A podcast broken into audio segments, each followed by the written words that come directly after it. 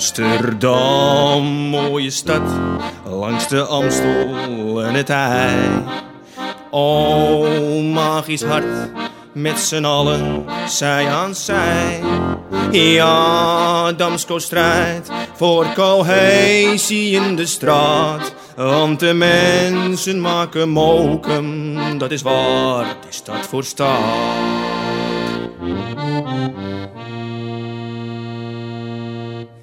Hey, hallo. Wat leuk dat je deze podcast hebt aangeklikt. Ik ben Oscar Zegers en ik neem je graag weer mee in de wondere wereld van Amsterdammers die Mokum ieder op hun eigen manier hebben weten te verrijken. En deze keer is dat Peter Smit. Ooit had Peter een heel groot probleem waar hij bijna aan onderdoor ging. Hij klaagde hierover bij wie het maar wilde horen. Totdat hij zelf een klein stapje zette in de goede richting. En juist omdat het zo'n klein stapje was, kostte het hem bijna geen moeite en werd het probleem ook nog eens vele malen kleiner. Zo begon hij Stichting Clean. Klagen loont echt absoluut niet. Zijn levensfilosofie is sindsdien dat, ongeacht de grootte van het probleem, hij op zoek gaat naar het kleinste dat je eraan kunt doen. En ja, dat dan maar gewoon te doen. Peter, welkom. Ja, dat klopt. Wij beginnen altijd met de vraag, waar stond jouw wieg? Uh, mijn mi, mi wieg stond in Middelstum. Dat is een grun. In, Kijk. in het midden van grun. Ja, toen stond, uh, stond een beetje te schudden. Toen nog nooit, maar geen, geen hond die het verstaat. Ja, ik kan best goed meekomen inderdaad. Ik word alleen een beetje lastig om in hetzelfde accent te antwoorden. Dus ik hou Ja, lekker ja, plat ja, Amsterdam ja. staan. En Maar wat- dus. Ja, en wat voor kind was je eigenlijk? Uh, een, een een stil, rustig kind. Altijd eentje die uh, de kat uit de boom keek. Uh, op al mijn rapporten staat trouwens van de lagere school, zoals dat toen nog heette, staat uh, van Peter kijkt alleen maar uit het raam. Nou, ik denk wel dat dat klopte. En klopte denk ik ook wel dat pas achteraf bleek dat ik het eigenlijk allemaal een beetje te saai vond op die school. Hmm. Dus, uh, mijn fantasie was te groot, dus school te saai, zoiets. En uh, klaagde je daar wel eens over? Nee, ik vond, nee, ik vond het prima om zo naar buiten te kijken. En het was een school eigenlijk aan de rand van het dorp. Het was een, een redelijk klein dorp, Middelstum, 3000 inwoners. Het zal nog steeds niet veel groter zijn, denk ik. Uh, en uh, ja, de, de, school stond aan de rand van het dorp, dus je kon over de weilanden uitkijken. En dan zag je daar, uh, nou, af en toe zag je jagers of uh, haasjes rondlopen. Ja, of wegrennen voor de jagers, zoiets. Ja. Het klinkt heel rustig inderdaad. En dus verder geen klachten? Nee. Nee, oké. Okay. En wat was dat hele grote probleem dan? Dat grote probleem waar je in de inleiding het over had, dat Juist. was eigenlijk mijn buurman. Waar het in eerste instantie uh, nou, heel even misschien wel goed mee ging, maar daarna uh, liep het al snel uit de hand. Hm. veel lawaai, een hond die, nou, ik niet alleen met die hond niet alleen met mijn kinderen in één kamer zou durven laten. en die lieten ze dan los buiten lopen motoren, brommetjes, veel lawaai, veel geschreeuw. En ja, ik als rustige Amsterdammer, nou ja, Groninger, kon er niet zo goed tegen en ging dan vragen of het wat zachter kon. En ja, dat liep toen uit de hand, want ja. Dus dat werd eigenlijk een burenruzie. Hmm. Dus daar, daar ging de klacht eigenlijk daar ging, over? Ja, ja. ja. En, dus, en, en, en wat voor kleins ben je toen gaan doen? Nou, het, het eerst werd, werd, het nog steeds groter. Uh, okay. uiteindelijk de pesterijen van, van hen naar mij toe werden steeds groter. En uh, uiteindelijk ben ik met rapporten naar de politie gestapt. De politie kwam even langs en uh, die ging even koffie drinken of thee drinken, ik weet het niet. Maar daarna stapten ze weer de deur uit, zwaaide even vrolijk. Maar, en, en, voor mij werden de problemen daarna nog groter. Toen ben ik zelfs naar de woningbouwvereniging gestapt met die rapporten. Die zijn ook even langs geweest. En nou, hetzelfde verhaal. Daarna werden de problemen nog groter. Ja. En uh, het was denk ik juni, juli 2010. het was een hete zomerdag. Ik zat in mijn tuintje. in, mijn buurman was daar bezig. Was meer een buurjongen eigenlijk, maar goed, buurman. die was daar bezig met zijn brommetje om daar iets aan te sleutelen. Precies op de rand van mijn tuin. En ik dacht, nou, ik laat me niet opfokken. Ik blijf hier rustig zitten. Ik, ik, laat me niet opfokken. Uh, ik, uh, ik kijk hem niet aan. En toen zag ik vanuit mijn ooghoeken zag ik toch dat hij iets uh, met, met zijn hand zo boven de tuin, iets boven mijn tuin hield. En blijkbaar was hij aan het wachten totdat ik keek. Ja, dat ging ik ook doen natuurlijk. Want, Hmm. ja, ik liet mijn voornemen varen. En ik keek hem dus aan. En op dat moment liet hij iets van een stuk uitlaten. Of weet ik het wat. Liet hij zo, proef, zo in mijn tuin vallen. Met een dikke grijns. En ook al had ik me nog zo voorgenomen. Ik laat me niet opfokken. Ik laat me niet opnaaien. Maar ik kan me niet meer herinneren dat ik opgestaan ben. Maar ineens stond ik voor, me, voor hem. En ik, uit mijn ooghoeken zag zo een vuist langs Oh, mijn gezicht gaan. Richting zijn, eh, Ja, zijn hoofd. ja. En daar ben ik erg van geschrokken, want het was de eerste keer dat ik, eh, ja, de eerste keer eigenlijk dat ik geweld Het- Het haalde het slechtste in je naar boven. Ja, ja, het had het slechtste in me naar boven. ja. En uh, maar toen ben ik naar binnen gegaan, ik geschrokken van mezelf, naar binnen gaan, afkoelen, nadenken van wat heb ik, ik heb toch voor mijn gevoel alles gedaan, om te Mhm. proberen een goede baan te leiden. Uh, en toen dacht ik, nou, ik heb nog één dingetje niet gedaan. En dat stelt eigenlijk niks voor, want daar had je dus ook over, dat kleine dingetje. Ik heb Ja. nog één ding eigenlijk niet gedaan. En dat is eigenlijk gewoon eigenlijk aan hem vragen waarom hij zo boos op mij is. Ja. En dan, nou ik zeg het even lekker plat, gewoon mijn bek houden en alleen maar luisteren. Hm. Dus gewoon kijken uh, of ik kon begrijpen waarom hij zo boos op mij was. En uh, nou, dat heb ik gedaan. En nou, toen gebeurde er eigenlijk een soort klein wonder. Uh, na een kwartier konden we elkaar een hand geven. Dus eigenlijk die vuisten die elkaar eerst nog gratis uh, een tandheelkundige behandeling elkaar wouden geven. Die, kon, die werden tot handen die elkaar konden schudden. Wauw, na een kwartier al. Na een kwartier al, ja, gewoon. Gewoon door Niet dat we vrienden zijn geworden of zoiets. Nee, maar, goed, echt- het, echt- het, is, het deescaleerde in ieder geval wel ja, enorm. Ja. redelijk snel Ja, door gewoon te luisteren door van gewoon- waarom ben je nou Ja. zo boos? Nou, ik kwam natuurlijk met allerlei dingen. En normaal is het dan zo dat je dan reageert met ja, maar jij. Maar dat had ik me dus heel erg voorgenomen. Ik ga niet zeggen ja, maar jij. Gewoon, Hmm. eh, gewoon alleen maar luisteren. Ja. En ik, ik kon er een beetje in komen ook. Van, ja, ik kwam daar als nieuwe bewoner, kwam ik daar wonen. Hij woonde daar al twintig jaar. Ja. En eh, ik ging in principe, zoals hij het dan zei, mijn normen en waarden aan hem opdringen. En daar kon hij niet zo goed tegen. En, eh, en eh, zijn manier om dat te uiten was gewoon, eh, nou ja, gewoon muziek extra hard aanzetten. En precies dat doen waarvan hij wist dat, ik, dat hij mij daarmee op kon Flink naaien. afreageren. Ja, Ja, ja. Dus nou, dat lukte hem goed. Dus, En wat deed het met jezelf toen je die keuze had gemaakt door te luisteren en te horen wat hij te vertellen had? Wat deed het met jou en toen, je die, toen het die wending nam eigenlijk? Het was toch nog wel een kleine, kleine actie, maar een groot moment Ja, eigenlijk. ja. ja ik, ik, zoals ik al zei, ik, ben nogal een denker. eh, en ik, ik ben dus daar weer over gaan nadenken. Van, van, van eh, shit, wat is hier nou gebeurd dan? Mhm. Eh, je hebt twee jaar last van, van, van, van, een buur, van die buurman. Mhm. Ja, op een gegeven moment kom je ook tot, tot, tot een soort besluit van of hij eruit of ik eruit. Maar één van ons moet hier weg. En dan doe je nog één klein dingetje. En waarvan je denkt dat het niks voorstelt, maar je doet het toch. En dat, dat is misschien ook wat, mijn grootste, zoals het dan nog heet, epiphany, eureka moment. Mhm. Of eh, anderen leggen de klemtoon weer anders, eureka moment. Hmm. eh, was dat ik bereid was iets kleins te doen waarvan ik dacht dat het geen zin had. En hoe kwam je dan uiteindelijk om, eh, op het idee om dat om te buigen naar eh, ja, de, de, de, stichting die je hebt opgezet? De reden waarom het uiteindelijk een stichting is geworden, is omdat ik iets ben gaan doen waarvan ik in eerste instantie eigenlijk ook alleen maar over klaagde. Nou, niet eens zozeer over klaagde, maar me er wel aan ergerde. En dat was zwerfafval. Hmm. Zwe- Dan, dan heb je, daarbij heb je ook natuurlijk het probleem, of, of het idee, dat ja, waarom doet niemand daar iets aan? Waarom doet de gemeente daar niet iets aan? Waarom eh, eh, gooien mensen dat weg? Het zijn allemaal, je bent steeds bezig met anderen, waarom doen Ja. zij iets? En toen dacht ik van, nou, eh, wat is nou het kleinste wat je daaraan kan doen? Want dat was mijn filosofie geworden. Wat is het kleinste wat je... En toen ben ik elke dag minstens één stukje op gaan rapen. En, eh, dus, en ik weet ook nog heel goed de eerste keer dat ik dat ging doen. het, het was op een vol winkelplein. En daar lag dus ineens dat flesje. En toen had ik zoiets, oh, oh, oh shit, nou moet ik dat oprapen. Troep van een ander oprapen. Terwijl in- die tijd was het, nu zie je het eh, gelukkig best veel mensen doen. Het wordt steeds gewoner. En het is eigenlijk ook gewoon dat je het oppakt. Maar goed, eh, toen was het nog heel ongewoon. Ik, ik kende echt niemand die dat deed. Dus, eh, en, dan ga je dat, dat ineens zelf doen. Dus ik, ik, ik schaamde mij ervoor. Merkte echt dat ik me ervoor schaamde. Dus ik, ik keek een beetje omheen of er geen bekenden waren die mij dat zagen doen. Oh ja? Dus, ja. Ja. En toen pakte ik dat op en stopte het zo onder mijn jas. En ja, ik ben dan weer een denker. Dus ik ging er weer over nadenken van, wat doe je nou stom? Eh, je doet iets goeds. Ja. Je raadt iets op en toch schaam je je ervoor. Ja. Hoe, hoe kan dat? Ja. Nee, je wil natuurlijk geen goed mens gevonden worden. Nee?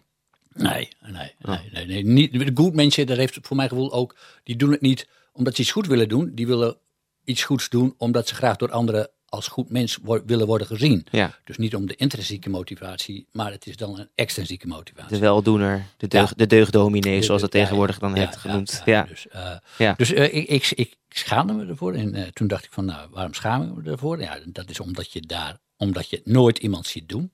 En toen dacht ik van, eh, nou, misschien zijn er wel meer mensen die het willen doen, maar niet durven doen. Ja. Omdat ze, net zoals ik, zich ervoor schamen. En toen ben ik dus het eh, steeds opvallender gaan doen. Ik ben er geen theaterrecht van gaan maken. Nee. Hoor. Ik ben het wel opvallend gaan doen. Ik ben eh, juist, ik ben ook, er ook voor gaan zorgen dat ik mooie kleer, mooiere kleren ben gaan dragen. Ik ben kunstenaar, dus ik, ik, ja, ik draag nog best wel wat shabby kleding, zeker toen. Mhm. Maar ik, ik ben dus ook mooiere kleding gaan dragen.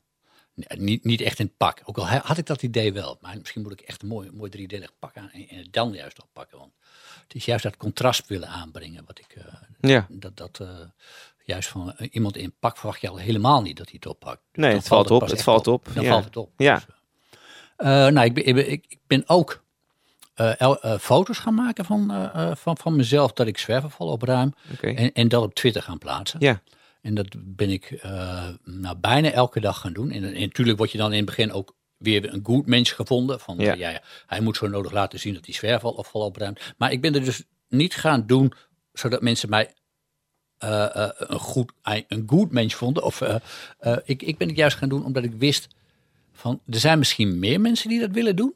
Ja. Maar het pas durven gaan doen als het iemand anders hebben zien doen. je wil gewoon andere mensen ook inspireren met het dus- idee dat- dat iets, iets, go- iets goeds te doen om samen op te ruimen, inderdaad. En, eh, en, en dat dan ook nog eens een keer in, in een mooi pak, dus het valt op en dat maakt het alleen maar nog leuker eigenlijk. En, En dan- en dat heeft als een tierlier. Ja, Dus ja.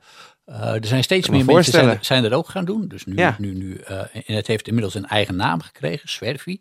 Dus, eh, dus als je zoekt op hashtag zie je dus de mensen die dus zelf zwervenval opruimen.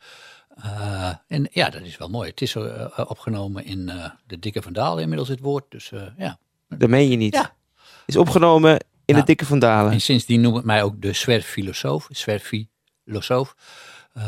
Ja, omdat ik eigenlijk het hele procedé bedacht heb van foto's maken van jezelf. En Ja.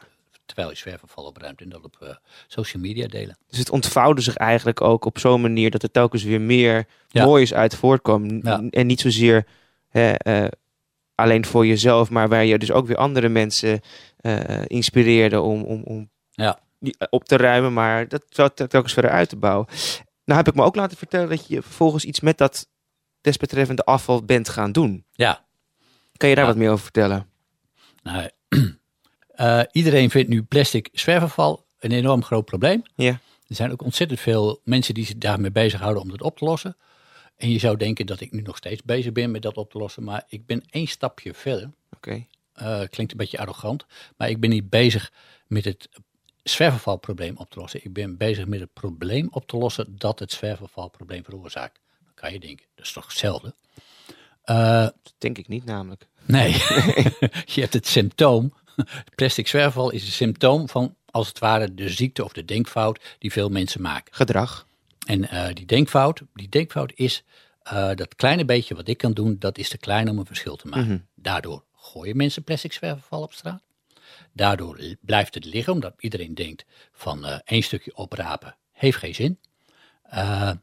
En ik heb uitgerekend dat als één op de vier mensen één stukje per dag opraapt, dan moet je al na drie dagen naar zwerverval zoeken. Dan, eh, in principe is het probleem dan opgelost. Er zal niet overal eh, eh, zal het compleet schoon zijn, want je hebt ergens, eh, eh, natuurlijk ergens in de bossen onder de struiken of zoiets zal nog wel wat te vinden zijn. Maar je moet er naar zoeken.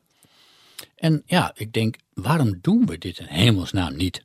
Het is zo ongelooflijk simpel. En ik kom er steeds meer achter dat bijna alle problemen, nu, nu overdrijf ik, maar goed, ik, toch ga ik even overdrijven. Bijna alle problemen op deze wereld worden veroorzaakt door de gedachte, dat kleine beetje wat ik doe, dat is te klein om een verschil te maken. En nu wil het toeval dat juist met zwerverval kan je zo precies aantonen dat het andere waar is. Als één op de vier mensen, als alleen ouders die hun kinderen een schone planeet gunnen, één stukje per dag opruimen, zijn we binnen drie dagen hier in Nederland van zwerverval af. Wereldwijd komt er iets van 8 miljard kilo aan plastic in onze oceanen bij. Nou, dat is een getal wa- waarbij niemand nou, dat gaat echt bij ieder zijn voorstellingsvermogen te buiten. Maar het is een enorm hoeveelheid die er jaarlijks bij komt. En toch, als da, ook daar weer, als alleen ouders die hun kinderen een schone planeet gunnen. En ik doe dat heel conservatief, heel voorzichtig. Ik schat het maar één op de vier mensen dat dat is. Mhm. Het zijn natuurlijk veel meer. Maar als maar één op de vier mensen wereldwijd één stukje, iets van rond de 10 gram, nou, dat is niks. Een plastic flesje, zo- zo'n klein plastic flesje, kost al weegt al 25 gram. Ja. Als één op de vier mensen één stukje opruimt, dan, zijn we, dan ruimen we meer dan 8 miljard kilo per jaar op. Nou, oké, eh, wereldwijd gaat het niet gelijk lukken natuurlijk, om, om de hele wereld zo gek te krijgen. Dus ik ben nu bezig om dat in Nederland voor elkaar te krijgen. En daarom bouw ik nu dit beeld, dat beeld wat hier dus ligt. Nou goed, de, kei- de, de Voor de, kijkers- voor de luisteraars, er luisteraars. ligt hier een, eh, een, Ja. een, beeld eh, op, op tafel van een moeder met kind in haar arm. Gemaakt van, ik neem aan, het gerecyclede plastic, wat ja. gevonden is. Ja. Liggend op een kussen. En, eh, ik heb het een beetje kunnen visualiseren. Je zult het straks ook in de, bij de foto's zien. bij de show notes en de podcast. Maar vertel eens wat meer over het beeld. Dit beeld is ook weer een Trojan horse, een, een, een eh, Trojaans paard. Mhm. Nou weet ik, ja goed, bij iedereen denkt bij een Trojaans paard dat is iets om mensen iets te laten doen wat uiteindelijk slecht voor hen uitpakt. Maar je kan het ook andersom gebruiken. Ja, Je kan mensen ook verleiden iets te doen wat ze niet willen doen, wat uiteindelijk goed voor hen is. Nou, en daar, daar is dit beeld voor bedoeld. Dus eh, met dit beeld, zodra het af is, en het, ja, het gaat nog even een tijdje duren, want het gaat langzaam. Het is helemaal gemaakt van gerecycled plastic zwerfafval. Mhm. Eh, met een 3D-printer maken we daar allemaal kleinere delen van. Die las ik in mijn atelier hier, nou, vanuit de studio waar we nu zitten, is het maar 200 meter hier vandaan. Eh, las ik dat in elkaar. En lassen is dan plastic lassen, dus met hete lucht wordt het aan elkaar gesmolten. Eh stalen frame in gemaakt. En eh, dat beeld wordt 12 meter groot. Dus ja, wat hier op tafel ligt is nu eh, nou, 60 centimeter groot. Dus dat is 20 keer zo groot als wat hier op tafel ligt. en het ziet er prachtig uit trouwens, eventjes Ja. tussendoor gezegd. Te- ja? Tekla Reuten. eh, ze heeft net een gouden kalf gewonnen volgens mij. ja, de actrice Tekla Reuter, Tekla ja. Reuten heeft er met haar eigen baby model voor gelegen. Kijk Dus, eh, aan. Dus, eh, misschien kan je het nog een heel klein beetje herkennen, de Tekla is. Nou, nu je het zegt, ja, ik eh, kan, dat, kan me dat goed voorstellen inderdaad. Ja, Dus ze heeft met haar eigen baby hier model voor gelegen. En eh, nou, dit beeld is natuurlijk gemaakt van plastic zwerfafval. Eh, het is een moeder die erkend borstvoeding geeft. Nou, dat symboliseert eigenlijk van dat wij eh, onze, on- onze volgende generatie plastic zwerfafval te Ja. eten geven. Maar het gaat niet alleen over het probleem. Eigenlijk gaat het daar nog, misschien nog wel het minst over. Het gaat veel meer over de oplossing. En eigenlijk symboliseert dit beeld, eh, de- een moeder die erkend borstvoeding geeft, is eigenlijk een heel oud mythisch symbool voor moeder aarde. Mhm. Eh, verder symboliseert dit beeld de kracht van de mensheid. We zijn zelf in staat een nieuw leven te scheppen. En het gaat ook over, over het idee, iets kleins is niet belangrijk. Ik denk dat als je naar dit beeld kijkt, dan kan je niet meer zeggen, iets kleins is niet belangrijk. Nee. Dat krijg je niet over je lippen. Want ja, die kleine baby, eh, ja, dat is in dit beeld eigenlijk het belangrijkste. ja. En alleen, ik heb er lang over nalopen denken, maar ik, ik, ik, ik heb nog steeds niks kunnen ontdekken. Eh, alles is ooit klein begonnen, zelfs het hele universum. Mhm. Alles is ooit klein begonnen. En toch vinden we, gek genoeg, hebben we het idee, iets kleins doen is niet belangrijk. En we bestaan uit het kleinste, de moleculen Ja. waar wij uit bestaan. Ja, alles ja. is klein Alles is begonnen klein, en alles wordt opgebouwd inderdaad. En eh, nou, dit hele beeld is dus bedoeld om straks stiekem, en nu, eh, ja goed, de luisteraars zien dat niet, maar ik maak even aanhalingstekens, stiekem. Eh, om dat ergens op een plein te leggen in Nederland. En elke keer wordt het weer een andere stad. Eerst 12 provincies, elke 12 provincies in Nederland, dan 12 steden in Europa en dan 12 steden over de wereld. Dus ja, ik heb het nogal eh, grootse plannen met Ja? beeld. En dat, dat, dat, dat introduceer je dan als zijnde een, een, een Trojaanse paard, maar het is eigenlijk meer een soort van Trojaanse taart. Ta- dat het is eigenlijk, je trakteert de Ja, mensen ja, op, op, iets, op iets wat je gemaakt hebt. Om ze dan leuk, vervolgens mee te kunnen taart. Dus, confronteren. Nou ja, want je bent niet onverdienstelijk volgens mij geweest als fotograaf Nee. in het verleden. En ik las ergens dat je zelfs iemand als eh Neil Armstrong hebt mogen Ja. volgen en, en fotograferen. Kan je, kan je daar eens wat over vertellen? Hoe, Ja, dat eh, was in november 2011. Toen Ja. kwam hij naar Nederland. Ja. eh, op, een of andere grote conferentie. En toen ben ik uitgenodigd als, om, om, als fotograaf om hem eh, een hele dag te volgen. Dus, eh, ja.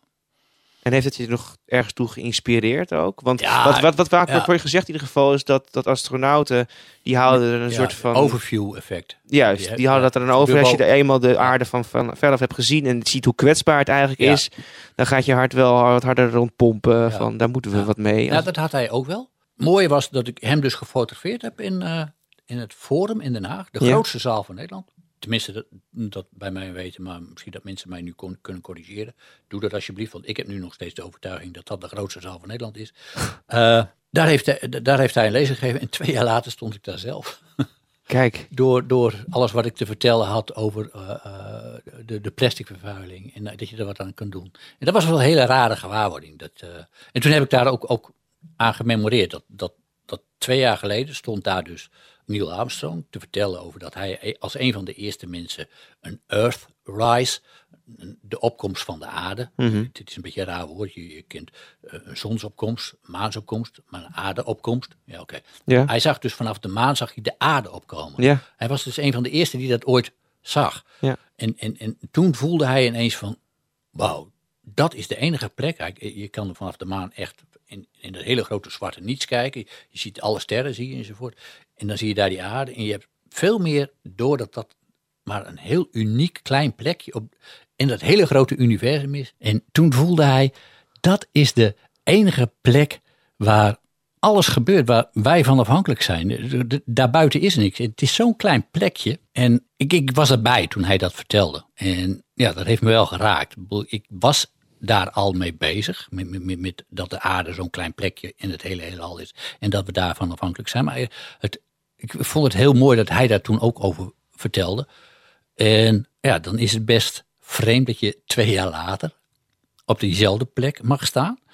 En mag vertellen over iets waar nog bijna niemand destijds mee bezig was. Over de plastic soep. Dat we onze aarde langzaam aan het plastificeren zijn. Dus de grootste zaal van Nederland. Ik, en de kleinste heb ik gehad. Eh, even kijken. Theater Torpedo hier in Amsterdam. Ja, heel- fantastisch. daar Bij heb de ik Mus. gestaan. De mus in het Theater Torpedo, ja, ja, absoluut. du- Dus, ja. eh, nou, voor Greenpeace heb ik gestaan. Voor, voor, voor eh, 2200 medewerkers van Shell heb ik eh, gestaan. Dus ja, dat zijn ook weer mooie tegenpolen. Ik heb eh, voor het Openbaar Ministerie, voor alle medewerkers van het Openbaar Ministerie, heb ik eh, een lezing gegeven. Toen dacht ik, nou, het enige wat nu nog mist is de gevangenis. Maar ik, heb al wel een lezing gegeven aan mensen die opgesloten zaten in het tv-programma Utopia 2. Die hebben mij toen ook een keer uitgenodigd. En daar heb ik toen ook een lezing gegeven voor, voor die mensen. Dus ja, ik heb al wel op, voor opgesloten mensen gestaan.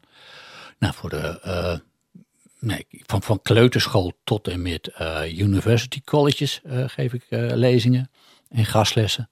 Ja, en ja, het, het is gewoon elke keer weer heel mooi dat je mensen kan inspireren. dat, ze, dat ze het idee krijgen, hé, hey, wat ik doe, dat maakt wel een verschil. Ehm, waar zou je Stichting Clean over nog eens tien jaar willen zien? Wat zou je dan willen kunnen hebben bereiken? Wat is het grootste probleem op aarde, wat wij, wat, wij als mensen op aarde hebben, is het idee dat kleine beetje wat ik doe, dat is te klein om een verschil te maken. Daardoor doen we eh, heel vaak kleine dingen slecht. Eh, omdat we denken, ach, dat ene autoritje, dat ene stukje vlees, dat ene beetje eh, stikstof, dat ene beetje PFAS, dat ene beetje eh, kooldioxide wat ik uit, uitstoot. Dat is allemaal te klein om een verschil te maken. Maar we zijn met 7 miljard mensen. En samen worden dat dus gigantische hoeveelheden. En als we dat weten om te draaien, als we die, die destructieve kracht, want het is nu een destructieve kracht. Het, het idee, dat kleine beetje wat ik doe, dat is te klein om verschil te maken. Dat is nu de grootste destructieve kracht op onze aarde. Als we dat weten om te draaien, dan wordt, die, wordt het de grootste constructieve kracht op deze aarde. En dat is wat je echt graag En, zou en willen. eigenlijk zou ik dat willen, ja. Ja, Dat dus we- het bewustzijn dat gegroeid is in de komende tien jaar Ja. door Clean, door allerlei andere initiatieven, zodat mensen verantwoorden omgaat met, omgaan met, eh, met, met, met, met, hetgeen zichzelf. waar- met zichzelf, met de natuur de waarin we leven.